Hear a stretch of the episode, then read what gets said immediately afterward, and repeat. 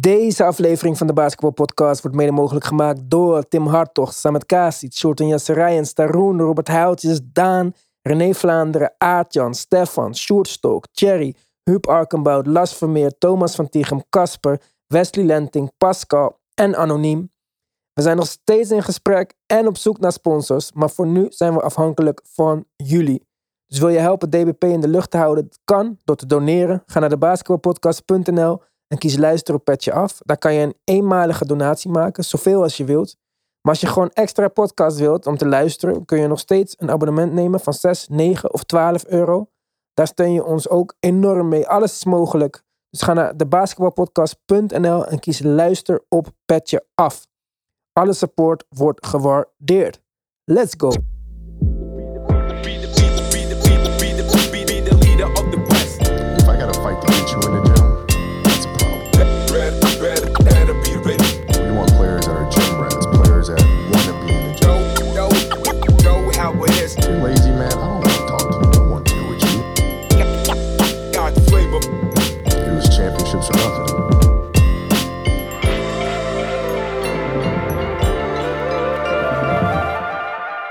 Het zit er nu echt op wat de regular season betreft. De play-in game start dinsdag al, daar gaan we het zo uitgebreid over hebben. Vrijdag komt de volgende podcast uit en dan hebben we een bijzondere gast die nog nooit eerder in de basketbalpodcast is geweest. Spannend, spannend. Zet het in je agenda, vertel het je vrienden. Maar eh, dat was het qua huishoudelijke mededelingen. Er stonden een hoop wedstrijden op het programma zondagavond. Sommige die nergens meer om gingen, vele waarbij een groot aantal spelers niet speelden. Of in Drew Holiday's geval maar 8 seconden speelde, waardoor hij de 67 wedstrijden haalde die hij nodig had om een bonus van 306.000 dollar te krijgen.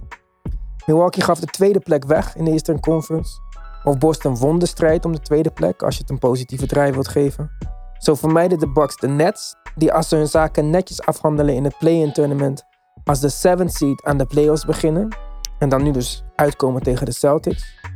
Bij Phoenix start er ook niemand van de vaste groep op Mikael Bridges na, die daarmee een van de vijf spelers wordt die in alle 82 wedstrijden in actie kwamen. De anderen zijn Kevin Looney, Danny Avdia, Sadiq Bey en Dwight Powell, die er met Dallas uiteindelijk niet in slaagden om de derde plek over te nemen van de Warriors. Waar Klay Thompson door 41 punten te scoren zijn comeback season afsloot met nette 20,4 punten per wedstrijd. En bij de Mavs raakte Luca ook nog eens geblesseerd aan zijn kuit. Er is nog geen duidelijkheid over de exacte diagnose. Maar dit jaar kostte een kuitblessure NBA-spelers gemiddeld 16 dagen hersteltijd. Oladipo lijkt ook aardig hersteld te zijn. Hij maakte 40 punten voor de Heat, die nog even moeten afwachten wie ze treffen in de eerste ronde van de playoffs.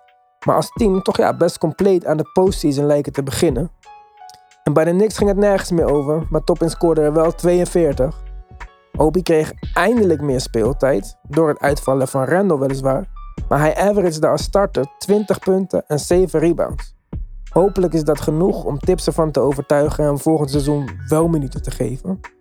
Een leuk einde van een spannende regular season. Interessante series op papier in ieder geval, voor de playoffs. En zowaar een entertaining play-in tournament. En die matchups gaan we vandaag bespreken. Om te beginnen met de Nets tegen de Cavs. Tim, take it away. Ja, de Cavs tegen de Nets in Brooklyn. De Nets dus met het thuisvoordeel. Deze ploegen troffen elkaar vier keer dit jaar. Waarbij de Nets drie van die vier duels wisten te winnen. Uh, ze hebben wel uh, een belangrijke afwezige. De Nets dan. In de vorm van Ben Simmons. Die natuurlijk uh, voor de play-in sowieso oud is. Goran Dragic. Waarvan nog niet bekend is wanneer hij terugkomt uit het Health and Safety Protocols. En Joe Harris. En bij de Cavs geldt dat voor Jared Allen. Belangrijke afwezige. Hij werkt zijn weg terug van een gebroken linker middelvinger. Is waarschijnlijk niet beschikbaar. Maar het is nog niet uitgesloten.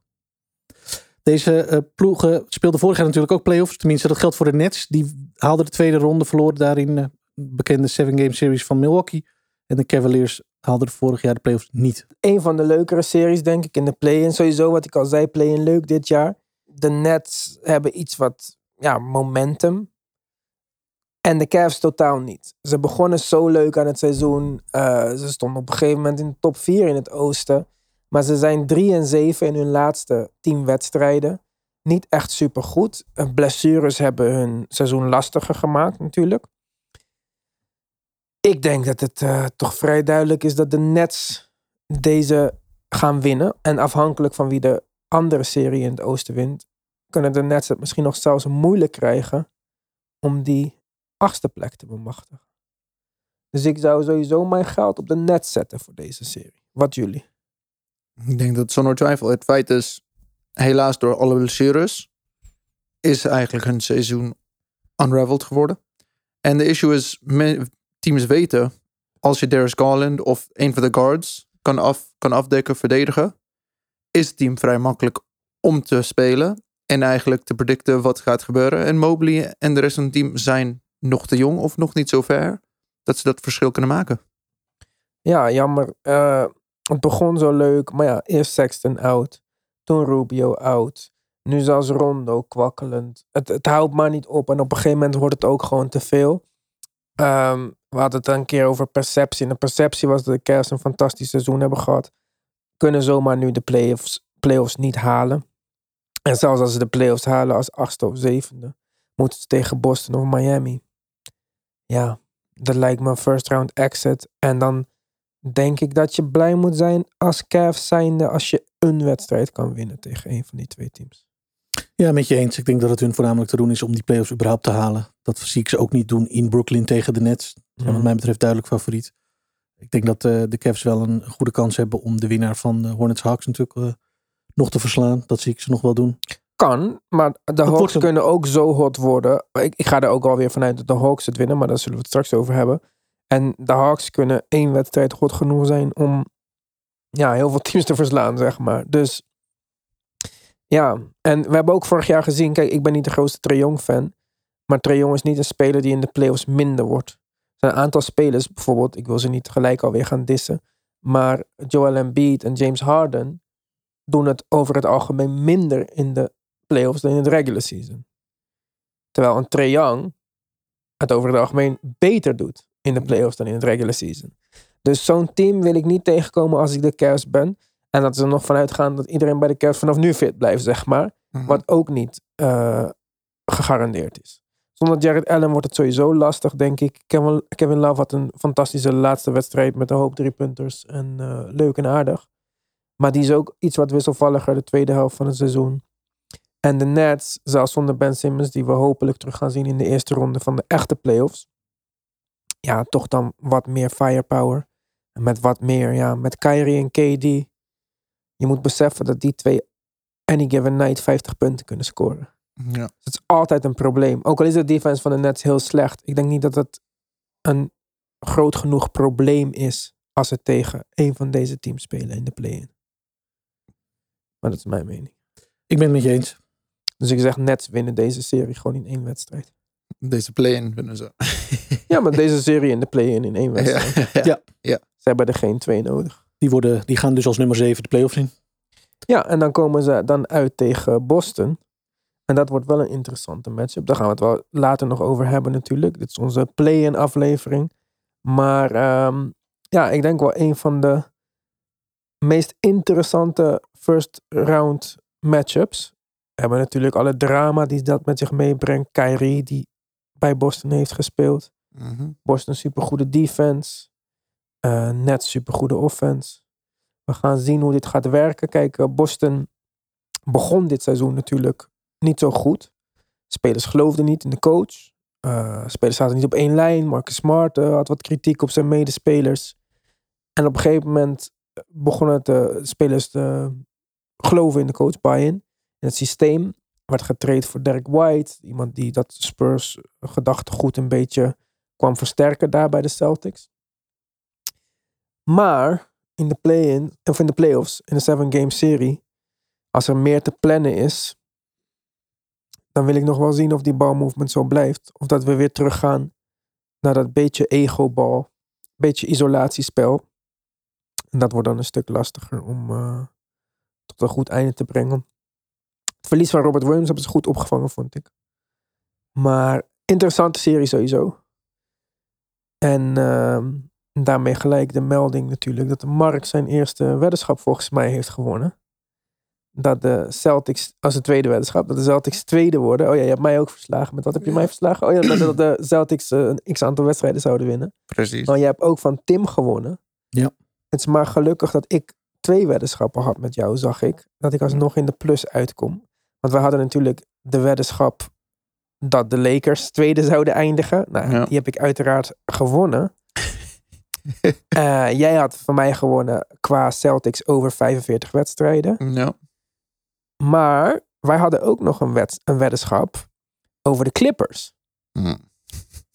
Want Mark zei, Clippers krijgen boven 45 wins. En iemand zei under. En die was voor 30 euro. Ja, ja, dus... eh, Dus je ik hebt heb nog plus. Dat wist ik niet.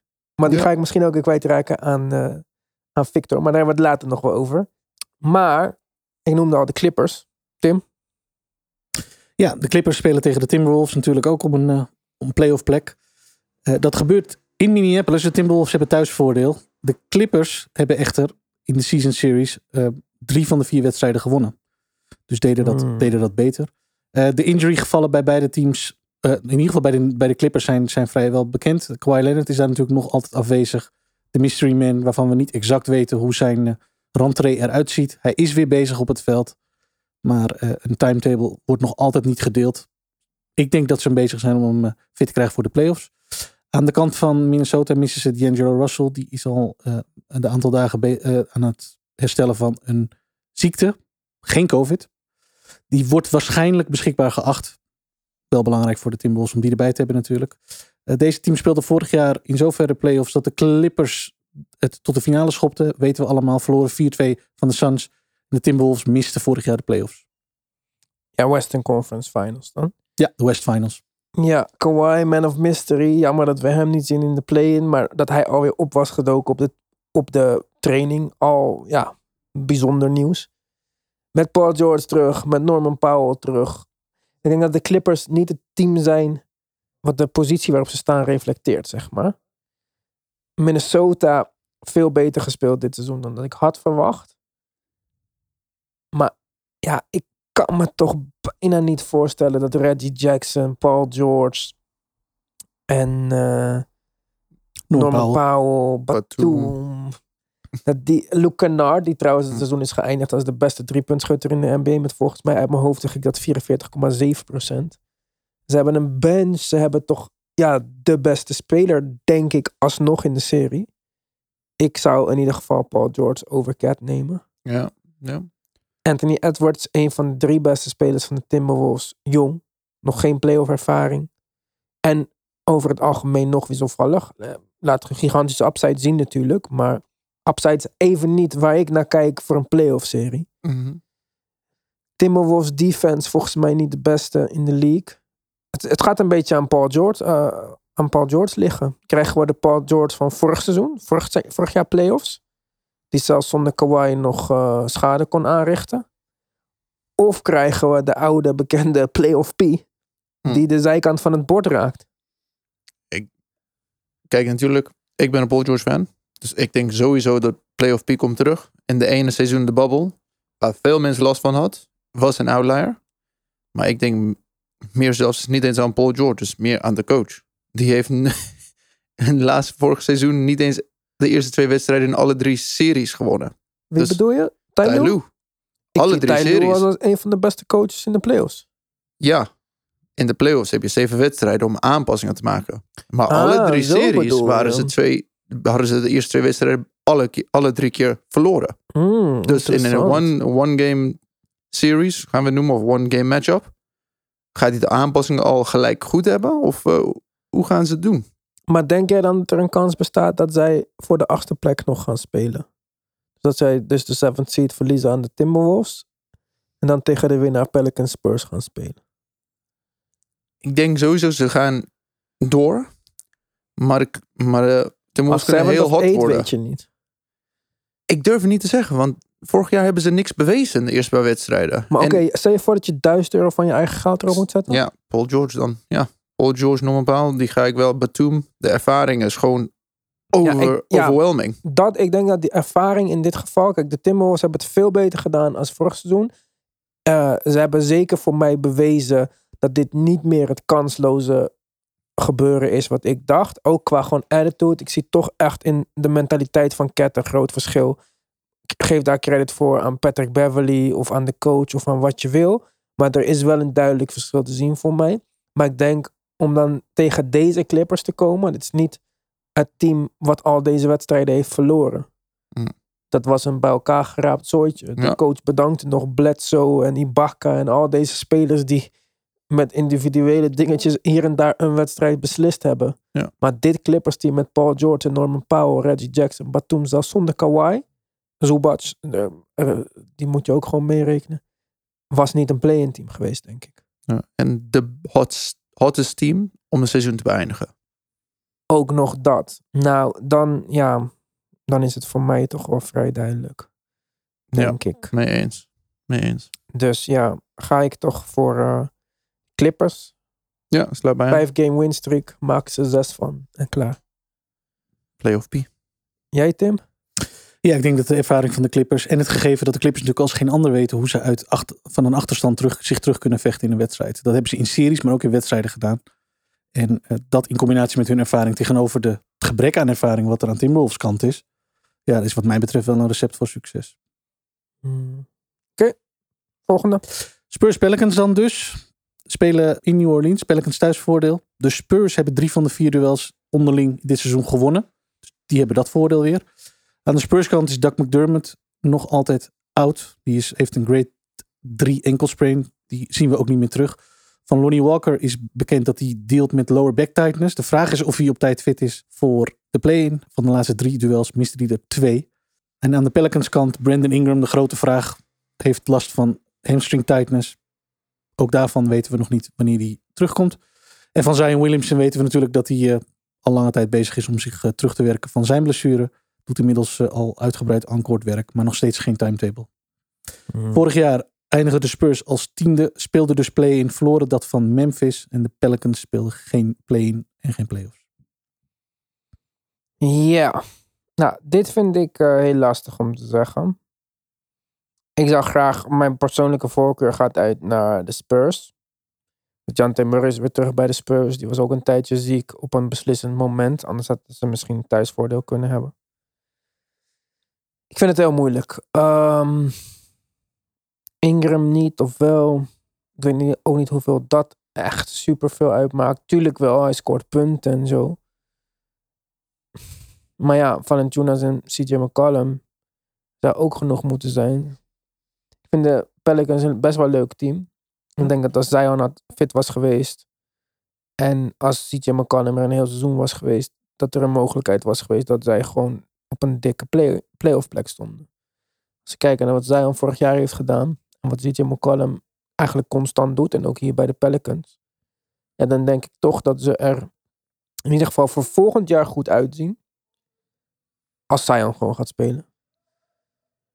Ja, Spurs. Spurs is een team die altijd willen spelen. Spurs spelen voor de ervaring, zoals Francisco het zegt. Ik denk dat het uiteindelijk te veel firepower is wat de Pelicans hebben. Hebben we ook gezien toen de Spurs tegen de Timberwolves moesten op beslissende wedstrijden en zo. Als die teams echt hot zijn en de Pelicans hebben gewoon een aantal spelers die ja, kunnen deliveren, aanvallend. Dus met pijn in mijn hart zeg ik de Pelicans in deze serie. Ik kies eh, voor de Spurs. Waarom? Ervaring is te groot aan die kant. Ik denk Pop gaat sowieso voor zijn laatste play-in game, sowieso. Gaan ze een extra boost krijgen. En ze hebben beide away games gewonnen ook. Ja, ik ga toch voor de Pelicans. Al is het maar omdat ze daar eh, volgens mij sinds de komst van CJ McCollum best leuk uitzien. En eh, ook nog tot best wel wat in staat zijn. Ik vind het vraagteken rondom Brandon Ingram wel van belang. Ik denk als ze hem niet hebben, dan missen ze toch echt wel wat. Ook in zo'n wedstrijd. Maar eh, helemaal als hij wel zou spelen, wat best wel goed mogelijk is.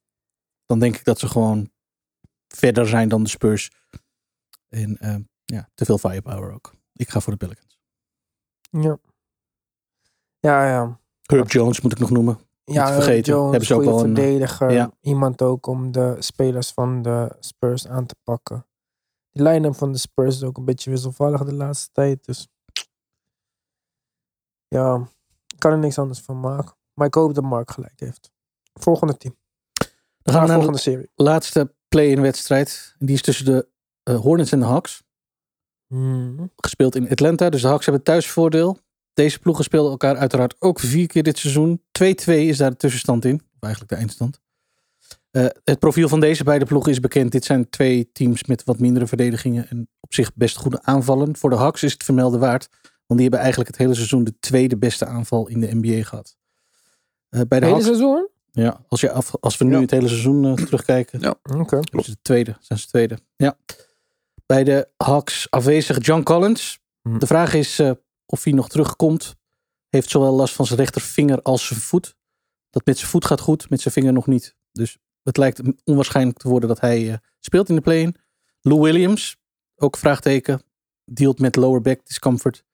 En aan de kant van de Hornets ontbreekt natuurlijk Gordon Hayward. Die is definitief oud. Vorig jaar speelden de Hornets de play-in. Die verloren ze van Indiana. En de Hawks kwamen tot de East Finals. Die ze van Milwaukee verloren 4-2. Ja, ik dacht dat het niet meer ging gebeuren met de Hawks dit jaar. Dat ze hot zouden worden. Toch een soort van gebeurd. Ja. En misschien is Embiid de points per game leader. Maar Trey is de total points leader.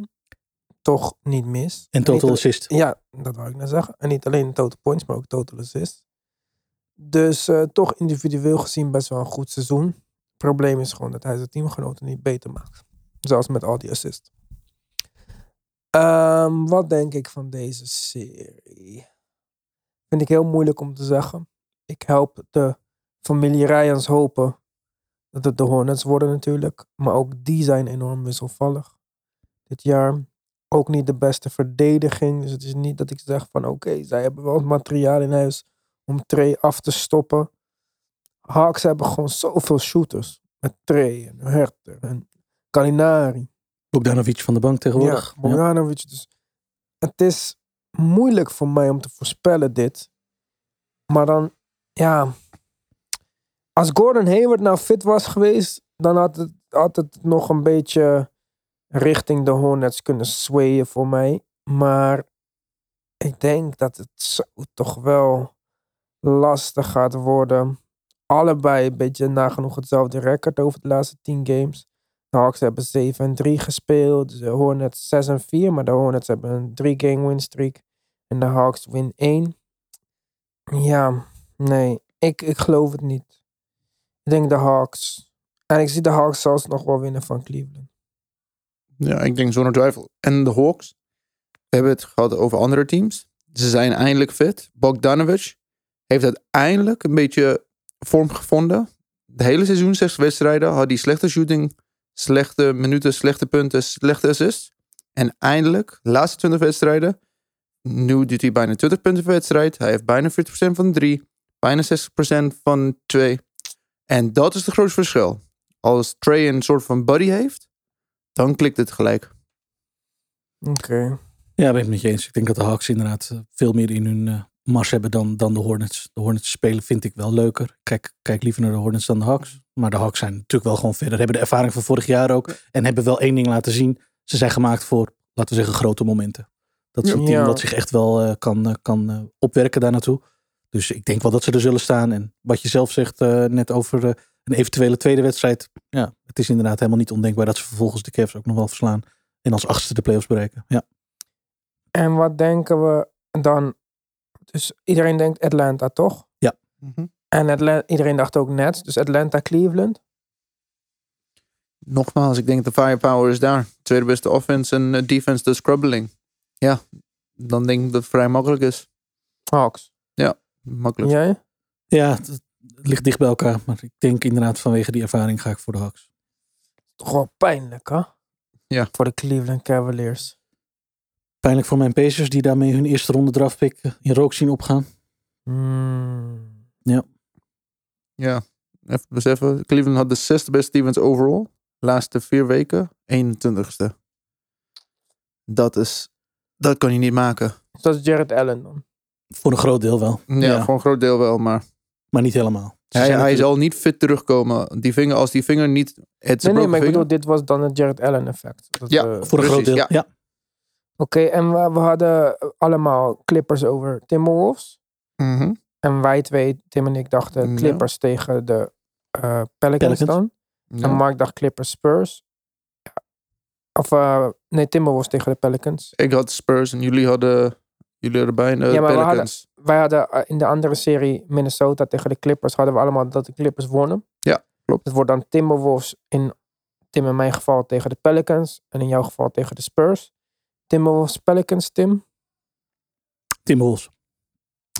Timberwolves Spurs, Mark. Timberwolves. Ik kies Pelicans. Een beetje anders zijn, toch? Ja, nee. Ik vind het ook wel mogelijk hoor, voor de Pelicans. Maar ik, eh, ja, ik gun het eigenlijk de Timberwolves nog meer.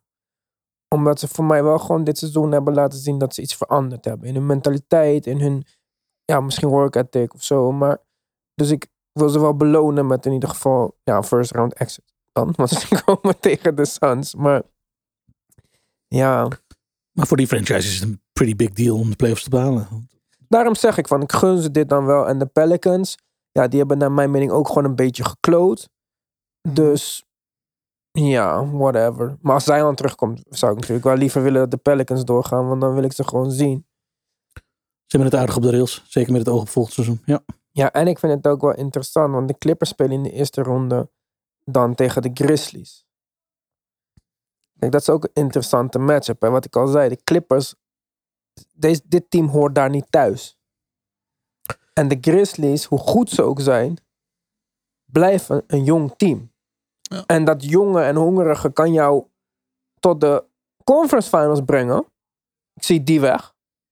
Maar ik zie het ook zomaar dat ze in zes wedstrijden verliezen in de first round. Tegen gewoon een hele slimme playoff coach in Ja. Ty Lue. En gewoon een veteran team. Het is wel een interessante matchup. Zeker. Misschien een van de interessantste die we gaan krijgen. Ja, ik vind dat sowieso. Het lijkt me sowieso een, leuk op, een leuke matchup. Maar goed, die moeten we sowieso nog afwachten natuurlijk. Als we kijken naar de matchups die er al zijn. Dallas tegen Jazz. Op zich interessant, maar het is niet een serie die ik als allerliefste ga kijken. En dit is do or die voor de Jazz. Voor zowel Quinn Snyder als denk ik de samenwerking tussen Donovan Mitchell en Gobert. Dus, in dat gev- dus maar ja, met dat in je achterhoofd vind ik het wel interessant. En de blessure van Luca natuurlijk. Kan zomaar twee wedstrijden missen. Ja, misschien meer zelfs. Warriors tegen de Nuggets. Interessant, want als niet iedereen fit is bij de Nuggets. Ja, wat, wat moet Jokic nog meer laten zien? Hij, hij kan in zijn eentje zomaar die wedstrijd beslissen. Wel opmerkelijk nieuws trouwens, vond ik. Jamal Murray is fysiek fit. Hm. Het is een mentale kwestie. Hij kon al spelen in de regular season, maar hij, er zit hem iets, hij gelooft er niet in. Dat zit in zijn hoofd of hij is bang of wat het ook is. Michael Malone zei, ik heb hem gevraagd, hij mocht spelen, maar hij durft het niet aan. En dat vind ik heel tricky, want die mentale dingen zijn toch, eh, ja. Nou, dan hebben we de Sixers tegen de Raptors. Heb ik een weddenschap over met Victor. Ik zei dat de Raptors gingen winnen die serie als ze tegen elkaar uitkwamen. Had dit niet direct verwacht dat het zover zou komen. Maar ik blijf bij mijn standpunt. Raptors gaan winnen.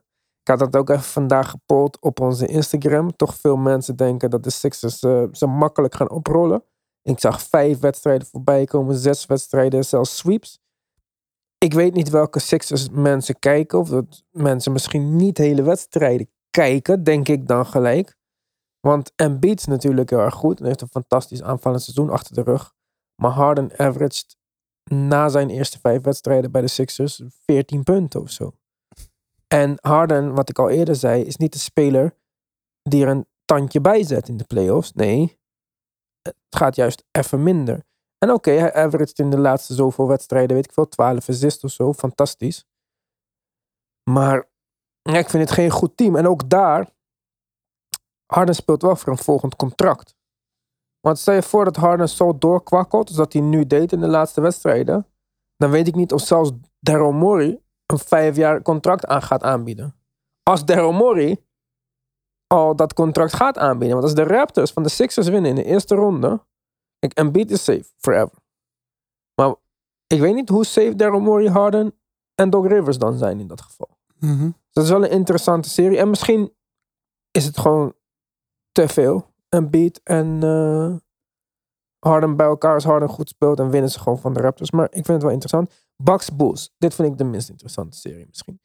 Als er één serie is waarvan ik zeg, behalve die 1-8 matchups, dit kan een sweep worden, dan zou dat deze serie kunnen zijn. Want de Bucks zijn gewoon aanzienlijk veel beter dan de Bulls. Mhm. En de Bulls... Ik zou, als ik de Bulls was, tevreden zijn met twee wedstrijden in deze serie. Heel tevreden. Denk ik ook. Dus. Wij zijn er vrijdag weer. Eén dagje later. Anders eh, ja, komt de aflevering uit. En dan eh, hebben we net twee wedstrijden gemist. We gaan donderdagavond opnemen. Speciale gast, zoals ik al zei. Dat gaat het zeker luisteren. We gaan nu verder praten op Petje Af. Over wie er het meeste verliezen heeft in de playoffs. En allemaal andere dingen die Mark heeft opgezocht. En zo meteen aan mij gaat voorleggen. En aan Tim natuurlijk ook. Eh, ga naar www.debasketbalpodcast.nl. Kies luisteren op Petje Af. Om ons daar ook te volgen. Bedankt voor het luisteren. En tot de volgende keer.